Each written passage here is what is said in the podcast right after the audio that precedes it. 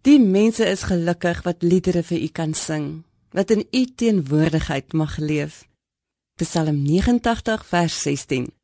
Terwyl Dominee Isak de Villiers, bekende geestelike skrywer, digter en redakteur, het ek eindelose respek. Hy het my geleer dat wanneer ons sonder die Vader wil lewe, ons lewens sonder sin raak. Wanneer ons God egter innooi in ons lewens, gee die nabyheid van God sin aan ons lewens. Hy het dit so uitgespel. Hy is die een wat sin maak uit alles wat vir ons sinloos lyk. Ek herhaal dit. Die Vader is die een wat sin maak uit alles wat vir ons sinloos lyk. Gedurende my skryfjare vir Sari tydskrif het ek kom dikwels teenoor die personeel die wens op verskeie maniere hoor uitspreek. Mag God naby jou wees.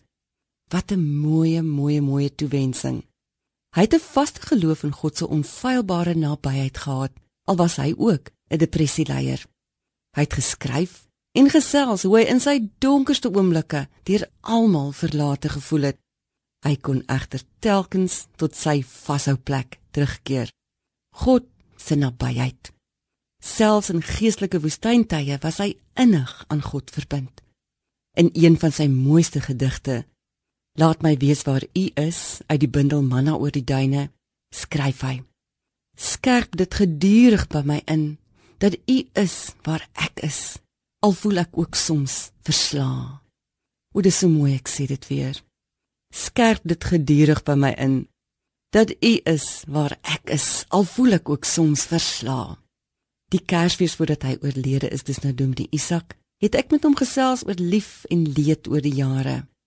Hy het weer benadruk hoe God se nabyheid nie aan seisoene in ons lewens gebonde is nie. Vir hom was die lewe sinvol wanneer ons in sy lig vorentoe kon stap. Ook op die drempel van ewige nabyheid aan God. Was Dominee Isak se boodskap die dag aan my dat God ook sy hand sal uitsteek om my te help sin vind en daarin het 'n groot seën en 'n groot troos vir my gelê. Kom ons maak die oë toe. Vader, U is so bewus van my twyfel as ek swaar kry. U weet hoe swak maak my besorgdheid oor aardse dinge my. Gee Here dat ek sin kan maak van wat belangrik vir U is en van die res kan vergeet. Amen.